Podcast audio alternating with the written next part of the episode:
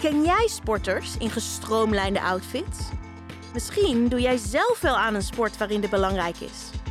Vandaag gaan we het hebben over supersnelle sporten. En misschien één langzamere. Ben je er klaar voor? We gaan bovenaan beginnen met tandenpoetsen. 3, 2, 1. Starten maar. Altijd sneller, altijd beter, altijd mooier.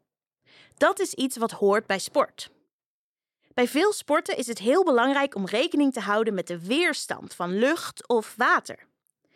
Als je als eerste over de finish wil komen, kun je met slimme stroomleiding net dat beetje sneller gaan dan je tegenstander. Op de fiets ben je bijvoorbeeld veel energie kwijt aan de wind, helemaal als je hem tegen hebt. En het is ook niet gemakkelijk in je spijkerbroek met een dikke jas aan door de wind heen fietsen.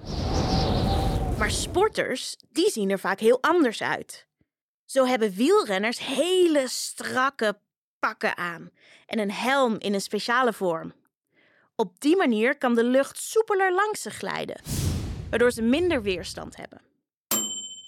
Draai nu je tandenborstel en begin je ondertanden te poetsen. Wedstrijdschaatsers kunnen in hun strakke pak wel 50 km per uur schaatsen. Maar niet alle sporters krijgen zo'n gestroomlijnde outfit aan. Denk maar eens aan ijshockeyers. Bij ijshockey is snelheid natuurlijk belangrijk, maar bescherming nog veel belangrijker.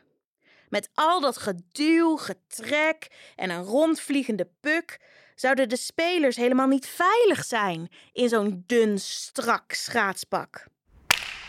Ai, dat was een pijnlijk plekje. Eén momentje. Daarom hebben ijshockeyers in plaats van zo'n strak gestroomlijnd pak juist veel bescherming aan. Dat houdt ze veilig. Stroomlijning is misschien dus niet altijd beter, maar wel vaak heel veel sneller. Dat was het voor vandaag. Spuug je tandpasta uit en spoel goed je mond. Morgen gaan we het hebben over iets heel geks, namelijk een gestroomlijnd stofzuiger. Tot dan!